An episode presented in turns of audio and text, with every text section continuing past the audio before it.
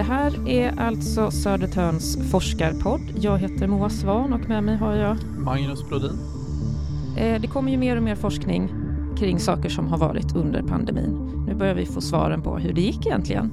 Eh, och nu ska vi prata om en slutrapport.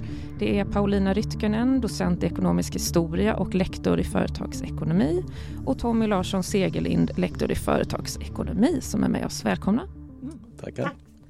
Nu är det ni som har forskat på pandemin. Eh, nu får vi alla svaren om hur det gick. Kan man, kan man ställa en enkel fråga? Hur gick det för öarna, skärgårdsturismen, under pandemin? Bra eller dåligt?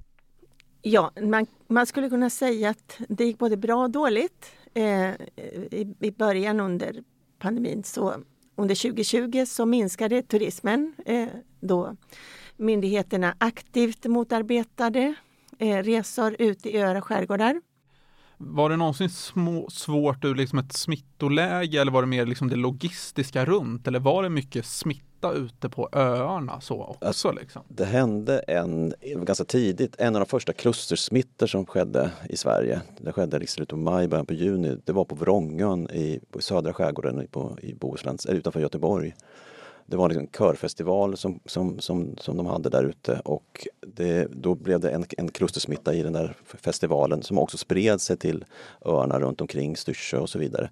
Och det är möjligtvis att det påverkar en del utav rederier och sånt som då kände att oj, öar kanske, om det är inte bra att, att, att, att det kommer ut på öarna eh, det här och att det kan bli sådana klustersmittor. Eh, och de är ju sårbara på så ibland också i och med att de här öarna är ju ganska så små samhällen då som då kanske inte har alla typer av, typ av typ eh, som, som vårdcentraler och sånt utan då kanske man måste åka till nästa ö. Och, men har man liksom, har, har man liksom eh, covid och, och, och, då kanske det inte är så bra att sätta sig på en, på en färja och åka, åka över till grannön för då, då, har, då smittar man då den ön dit och så vidare. Så det var väl mycket sådana problematiker och farhågor som man hade på vissa rederier.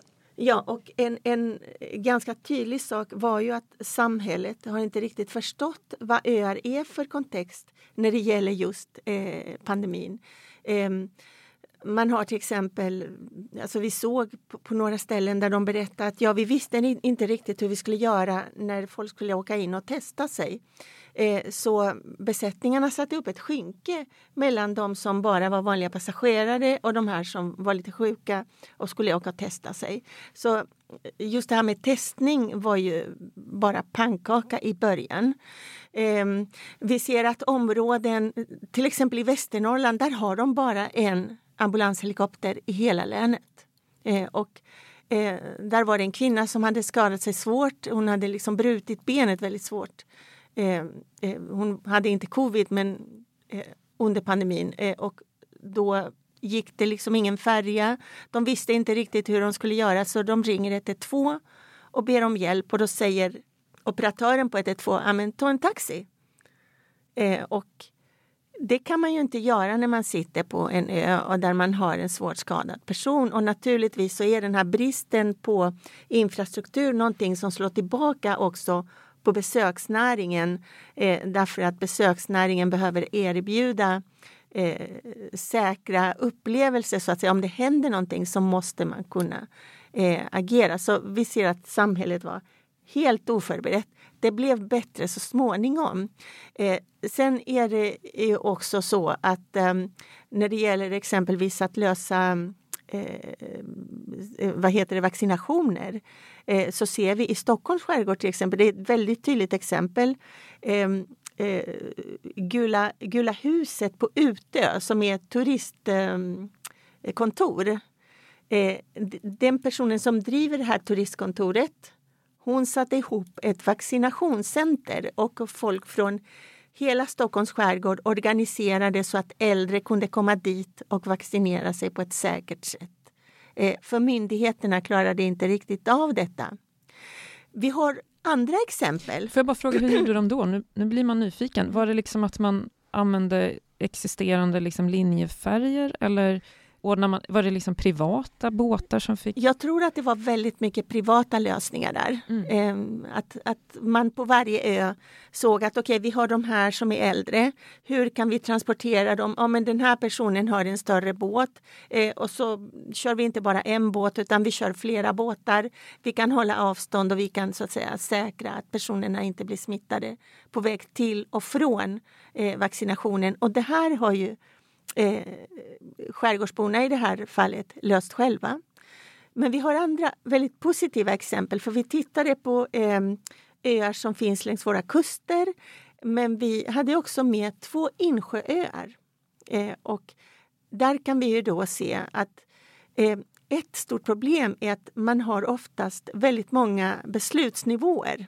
Eh, och det, har man, det är tydligt i Stockholms skärgård, det är tydligt, tydligt i Bohuslän där vi ser att man har regionen, kommunen, ibland är det flera kommuner och så är det för, olika företag som är inblandade, rederier och så vidare som fattar beslut som påverkar verkligheten eh, på ön. Eh, men Visingsö, ett jättebra exempel. Där sköts rederiet av kommunen, än så länge, vad vi vet i alla fall. Så det var väldigt nära när det uppstod något problem att man ringde kommunens ansvarig eh, och så löste man problemet på en gång. Eh, det är det första. Det andra är att de har bilfärja eh, och det underlättar det naturligtvis. Och på Visingsö så finns det ett äldreboende och när vi genomförde intervjun eh, var det mars eller april 2021 så hade fortfarande ingen äldre blivit smittad av covid och ingen äldre hade avlidit i covid. Eh, och det måste jag ju säga att då funkar det ju ön som en säker hamn på något sätt. Eh, Men hur stor är Visingsö? Den ligger mitt i Vättern va? Ja, den ligger mitt i Vättern. Norr om Jönköping ja. ungefär. Mm. Hur många bor där ungefär? Eh, oh, hur många är det? Så det, är ju, det är ju ganska många. Ja, har, jag har inte siffrorna i huvudet. Nej, men, brukar, är det hundratals, tusentals? Eller nej, det är, nej, inte, det är inte tusentals. jag, jag, skulle tro att eh, nej, nej, nej, de är drygt hundra ja. eller kanske lite mer. Men de okay. har väl ändå så en egen skola och det är liksom lite av ett eget samhälle sådär? Där. Ja, det är det, som är, det är det som är så speciellt just med svenska öar då, så att de är då små samhällen då och att och av den anledningen så tittar vi ju egentligen inte bara på, liksom på företagande utan för att vi ser ju så väldigt tydligt då att, att de här företaganden är så beroende av att det också finns ett fungerande vardag och ja. vardagsliv där och, och, och saker och ting. Så att det fungerar för dem.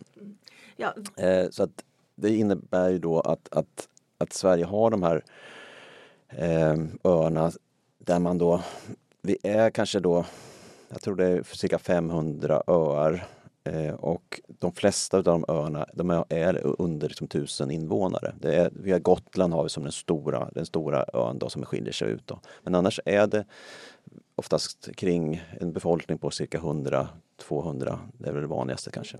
Jag, Visingsö har 716 invånare. Okej, okay, så 700 716 invånare. På Visingsö. Mm. Och de hade inte en enda smitta smittade på äldreboendet. På äldreboendet. På äldreboendet. Mm. Så man lyckades, man lyckades lösa det. Och trots att personalen på det här äldreboendet kommer från fastlandet. Eh, så det är, de har gjort någonting rätt och jag tror att det har att göra med att det är örådet och sen är det kommunen och ingenting däremellan. Eh, och eh, kommunen ansvarar liksom för driften av färjan eh, och eh, man, så att säga, man har bara två parter inblandade. Eh, vilket de flesta andra öar inte har. Hur brukar det se ut då? Alltså om, om ni jämför med då Vrånga där det blev klustersmitta, mm. eh, går det att se något samband då mellan de här olika beslutsleden?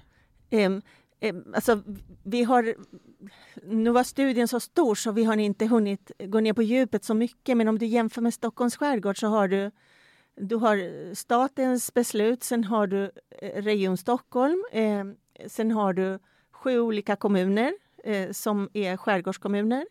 Eh, sen har vi Vaxholmsbolaget, Skärgårdsstiftelsen, SL eh, och så vidare. och Så vidare. Så det finns alltså väldigt många instanser som fattar beslut eh, och där ön är marginell. Så man fattar naturligtvis ett beslut som passar de flesta invånarna väldigt bra. Eh, men de blir helt avvikande när det handlar om de öar som man har inom ramen för eh, regionen. Eh, så att eh, där kan man så att säga se att den här man brukar prata om polycentriska beslutsnivåer. att de kommer liksom på väldigt många olika nivåer. Några är viktigare än andra. Eh, eh, Vaxholmsbolaget är naturligtvis, deras beslut är mycket viktigare för öarna än vad ehm, eh, så marginella aktörer. Men, men vi ser att transporterna fungerade dåligt, både persontransporterna och eh, varutransporterna. Och de blev också dyrare, varutransporterna. Eh, så att, ja. Jag tänker också på det här, ni pratade om ekonomin på öarna. Om vi tar då Visingsö som ett exempel. Det är väl en ö som egentligen lever bara på turism. Liksom. Mer, eller det är väl supermycket turister som åker dit ja, varje dag och tittar på de här. Skulle du prata med, med skärgårds eller ö, ö, ö, folk då så är de rätt så trötta på att, att bara förknippas med, med, med turism mm. och, och, så. Så att ja. på, på varje ö så, så finns det många olika typer av branscher och det är väldigt viktigt. Även om vi då hade uppdraget att titta på turism och besöksnäring speciellt då så har vi ändå tittat på och inkluderat även andra typer av öar. Men det är speciellt just med, med, med, med skärgårdsföretagare oftast, det är att de är, dels är de ganska små företag men så, står de, så är de också mångsysslare oftast också. Så de, är, de kanske håller på med lite grann inom turistbranschen på vissa delar av året men sen så på, kanske på hösten så går de in i och är byggare eller, eller, eller, eller kör iväg eller någon, någon, någon färja eller, eller eh, någonting annat. Så att de är oftast mångsysslare. Så att man ska liksom inte det är en misstag man gör oftast, liksom man, man förknippar öar och skärgård i Sverige med, med, med sommar och sol och, och, och turism. Det är bara jag som är en okunnig fastlänning. Nej, det är nog inte så, utan det är många som är lite okunniga och även, det vi försöker säga det är ju att även, även politikerna då, alltså man, när man tar beslut oftast så tar man ett beslut utifrån att man antar att, det, att man bor på fastlandet. Men de besluten blir väldigt, alltså konsekvenserna för de besluten blir oftast ganska så annorlunda för om man bor på en ö. Var det några specifika beslut som drabbade öbefolkningen? Om man då tar Stockholms skärgård som ett exempel. Var det, var det liksom vissa beslut som drabbade öarna betydligt mer än fastlandet? Alltså jag tänker att re restriktionerna eh, blev... Eh, det finns en stor förståelse för dem. Eh, men det blir någon form av dubbelbestraffning. För ett öföretag kan inte fånga upp förbipasserande, förbipasserande turister. Eh, så mm, om man jämför med hur det har gått för besöksnäringen på andra platser så i storstäderna så gick det ju inte så bra under 2020. För folk valde att åka ut på landsbygden och glesbygden och det var naturen som var grejen 2020. Men eh, restauranger och hotell och vad det nu kunde vara kunde ändå fånga upp förbipasserande, någon som var kvar. Eh, för att det inte fanns någon kvar i stan så tyckte man att ja, men då vågar jag sätta mig på restaurangen. Men man har inte förbipasserande på samma sätt. Så eh, restriktionerna, eh, alla kampanjerna framförallt i Stockholms och Göteborgs Bohuslän, då, skärgård, eh, där man eh, aktivt motarbetade eller ja, talade om för folk att åk inte dit. Eh, plus att man då plomberade hälften av platserna. Eh, på så, typ restauranger och fik och så? Nej, på båtarna. På, på båtarna. färjorna. Mm, okay. På färjorna. Eh, restaurangerna anpassade sig som alla andra så att säga. Men ehm, eh, på båtarna, man plomberade hälften av platserna så att man tog in hälften av passagerarna. Eh, så att det var väldigt mycket. Det var ingen som kampanjade för åk inte till Stockholm. Gå inte på restaurang i Stockholm utan det var anpassa din verksamhet. Men myndigheterna var verkligen tydligt ute efter att åk inte ut i skärgården. Vi har en del eh, färjor från norra Sverige eh, som skickades ner till Stockholmsområdet till exempel. Och det drabbade ju de öarna väldigt hårt. Till exempel Holmön. Var ligger eh, den då? Eh, den ligger i Västerbotten. Eh, eh, och det är en väldigt trevlig ö med en jordbruksbygd, precis som Visingsö till exempel. Ehm, man skickade ner en av deras färjor och har man två färjor då blir det genast hälften och hälften, alltså hälften på hälften.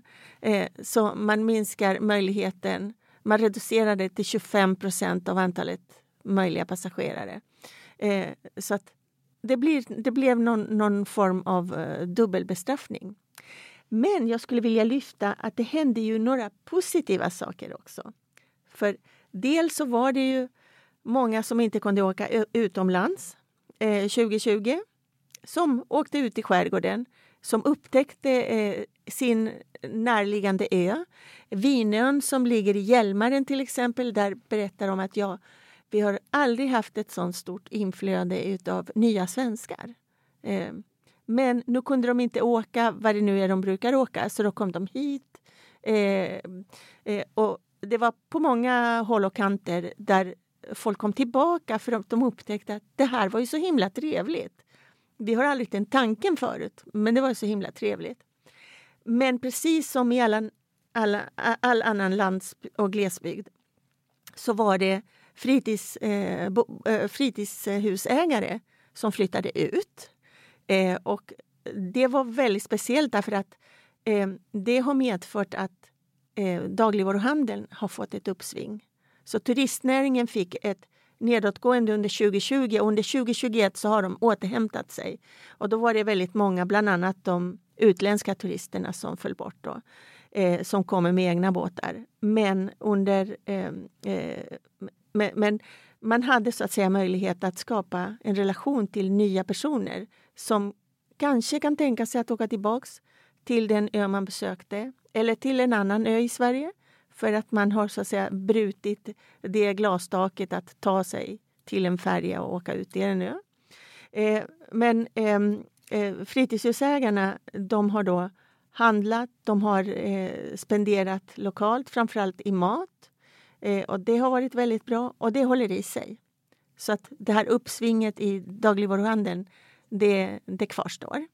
Eh, det var en del som eh, kom i sina båtar eh, och eh, ankrade vid, jag vet inte om det heter ankrade. Det låter bra tycker jag. De la till vid eh, gästhamnar som har internetuppkoppling och satt från sina båtar och jobbade. och Eh, en fras som vi fick med oss ehm, från eh, intervjuerna som vi gjorde i början på 2021, det var att det lyste i fönstren. Vi såg att det lyste i fönstren. Det var många fler som var ute och promenerade. Eh, och ehm, eh, så att säga, det, det, det, var på något sätt... Eh, det förde någonting positivt med sig och en del av de här fritidshusägarna de har ju upptäckt att vi kan ju faktiskt bo här längre del av året. Eh, vi kan nyttja vår fritidsfastighet eh, mycket bättre än vad vi har gjort tidigare. Och det gäller ju inte bara öar och skärgårdar, det gäller eh, alla lands och glesbygder. Så den här flyttlassen som, som fortfarande går där man försöker få ett bättre liv, större boytor och så vidare och så bara åka till jobbet ett par gånger i veckan. Det kvarstår. Det återstår att se hur man kan jobba vidare på det men jag tror att man jobbar väldigt, väldigt aktivt. En ytterligare sak är ju, precis som du sa Tommy, att många företag är ju inte besöksnäringsföretag. Vi, har, vi, vi hade redan innan en databas över eh, alla företagen i Stockholms skärgård till exempel. Nu har vi en databas som omfattar eh, alla öföretag över hela Sverige. Eh, och den största näringen i Stockholms skärgård i alla fall är eh, byggnäringen. Det är där det finns fler företag. Och eftersom fritidshusägarna har upptäckt att det minsann går att bo på ön lite längre eh, än tidigare och man planerar att bo mycket mera på sin stuga så har ju också renoveringarna tagit fart. Eh, redan innan så var man väldigt överbokade men pandemin har gjort att nu finns det en kö på flera år för att eh, få anlita en snickare eller vad det nu är man anlitar, en byggare för att bygga om, modernisera, eh, bygga till sin fastighet. Eh, och det är ju väldigt bra för alla för att går det bra för ett företag så går det bra för alla företag. Går det dåligt för ett företag går det dåligt för alla företag så funkar det på en ö att alla är liksom sammankopplade. Ehm, och någonting som vi, vi befarade kanske i början att eh, många kommer kanske inte att klara sig så ser vi ju att de stora företagen eh, framförallt inom besöksnäringen, hade det jättesvårt under 2020 så är de här små företagen som är de flesta ute på öar, de är som ett dragspel. Så att går det bra, då har man många ben att stå på. Så vecklar man ut sig och så jobbar man på som galningar. Eh, och är det dåliga tider, då satsar man på de ben som bär sig och då drar man ihop sig. Eh, och det gör att de här företagen har en resiliens som andra företag som fokuserar på bara en sak i en stad kanske inte har. Eh, och just det här att jag måste lösa det här själv, jag måste klara det här själv. Och, ja, man kanske satsar mycket mer på sina företag, så det är ju också positiva saker med pandemin. Att det var väldigt dåligt 2020, men det var inte så illa som vi trodde att det skulle kunna bli. Mm. Men, men det som, som, eh, som drabbade besöksnäringen 2020 negativt, turistnäringen, fanns det liksom större vinster, alltså vad ska man säga, hälsovinster eller allmänna samhällsvinster som kunde väga upp? Eller har de som ni har pratat med, upplever de så att säga att det var värt det eller inte? För det tänker jag är lite olika efter restriktionerna. Alla människor drabbas ju på något vis av dem, samtidigt som man också var tacksam för att vi på något vis hanterade pandemin genom att eh, inte ses. Alltså själv, det var mitt friskaste år någonsin eftersom att jag inte träffade någon. Och sen nu när pandemin är över, då har man åkt på förkylning, magsjuka, influensa, alltså alla de här vanliga. Så att man, några eh, positiva effekter av att det gick att anpassa samhället kunde man ju såklart eh, dra nytta av. Eh, upplever ni att, att det här, det man förlorade i form av, av minskade intäkter, fanns, finns det liksom någon vinst eller finns det ett större misstroende då mot liksom, eh, de här besluten? Jag tror att, så, som vi sa tidigare, så, så, fanns det en stor förståelse på öarna och de var inte helt säkra, de var inte heller helt eniga inledningsvis då att ska vi liksom öppna upp oss och köra på som vanligt och försöka liksom. Men det blev till slut oftast på de flesta öar att jo, men vi, vi kan ändå ta hand om de besökare som, som kommer. Och, eh, och så dels så ser vi då att, att, att öarna och, och, och de här företagen har gjort väldigt mycket olika typer av anpassningar så att det har varit riskfritt att, liksom, att vara på ön och gå på restaurangen eller checka in på hotellet och så vidare. Så på så sätt har man lärt sig väldigt mycket och anpassat sig och hittat bra sätt att faktiskt ta emot dem. Och det kanske var myndigheterna kanske då man säga att, att, man kanske inte hade den, hade den tilliten till riktigt att, att de skulle kunna faktiskt hantera det här själva som de hade då. Eh, så, så där, och samtidigt är det besökarna också som du är inne på, alltså, har ju då inte heller velat kanske då att utsätta sig för, att, för, för smitta då när man ska ta sig ut dit då. Och där märker vi lite grann på att, att, att där besökarna har kunnat ta sig ut riskfritt Ehm, och då inte behövt åka buss eller, eller till någon anslutning eller, eller på olika sätt ha, uppstå någon form av problematik då som ska bli smittad. De öarna har också fått en, en, en, en öka, haft, haft mera besökare också där tillgängligheten har kunnat, man har, den ön har varit tillgänglig. Så, så det där sista här är ju då att, att om vi tittar framåt då så så tror jag liksom att, att, att, vi, att man behöver liksom uppmärksamma lite grann nu också på att, att, att, att, att det här med tillgängligheten, att öarna, att vi måste se över hur faktiskt eh, människor har möjligheten att, att faktiskt ta sig ut på öarna. För att vi, vi pandemin sy har synliggjort en hel del i att i viss typ av infrastruktur eh, och hur, hur man reser och sånt som, som är, har varit problematiskt under lång tid egentligen. Då. Men pandemin har synliggjort att, att att, det var, att vissa, på vissa öar så är det mer problematiskt att ta sig ut. Då. Eh, så att man har, så att man har lärt så att, så, att, så, så din fråga, att man har lärt sig en hel del och vissa saker och ting är också, ta, kommer man ta med sig i, i framtiden och som varit positivt på, på ön också. Om man, om man generaliserar lite, kan man tänka sig att om man bor på en ö, att man kanske hanterade isoleringen på ett lättare och bättre sätt än om man bor i en stor stad och är van med människor runt en hela tiden. Det är för att man är van vid att det är samma, samma. Ingen kommer och träffar oss. Ja, det Ja, eller, jag tänker att om man bor på en ö och det är en gles glesbygd, som ni mm. kallar det, så kanske mm. man är så här, ja, det här är väl helt okej. Soft. Eh, Alltså det har ju inte kommenterats på det sättet men jag tror att man ändå inte har upplevt så stor skillnad under så att säga, den del av året som inte är sommaren, sommarsäsongen.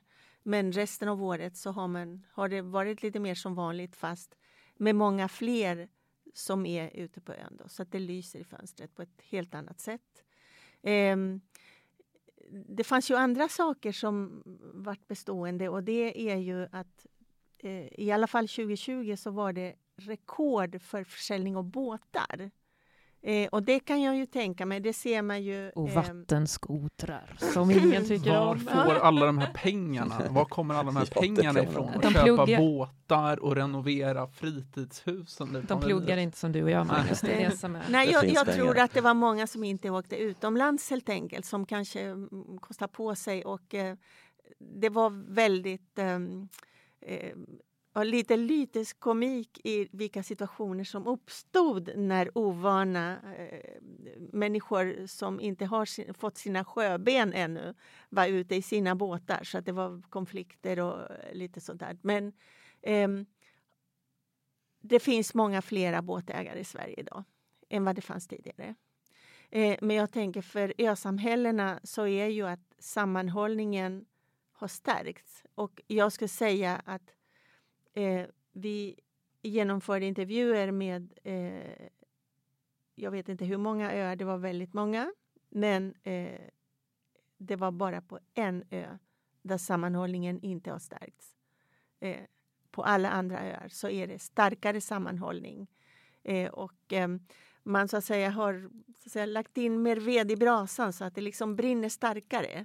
Eh, och man har eh, eh, fram sina positioner när det gäller digitalisering och börja se möjligheterna för vad kan vi göra mera och hur kan vi hålla kvar eh, deltidsboenden. Och, eh, så att, ehm, eh, på, på så sätt så pandemin gav eh, negativ kassaklir 2020 för de flesta inom besöksnäringen. För många andra företag så har det gett plus i kassan.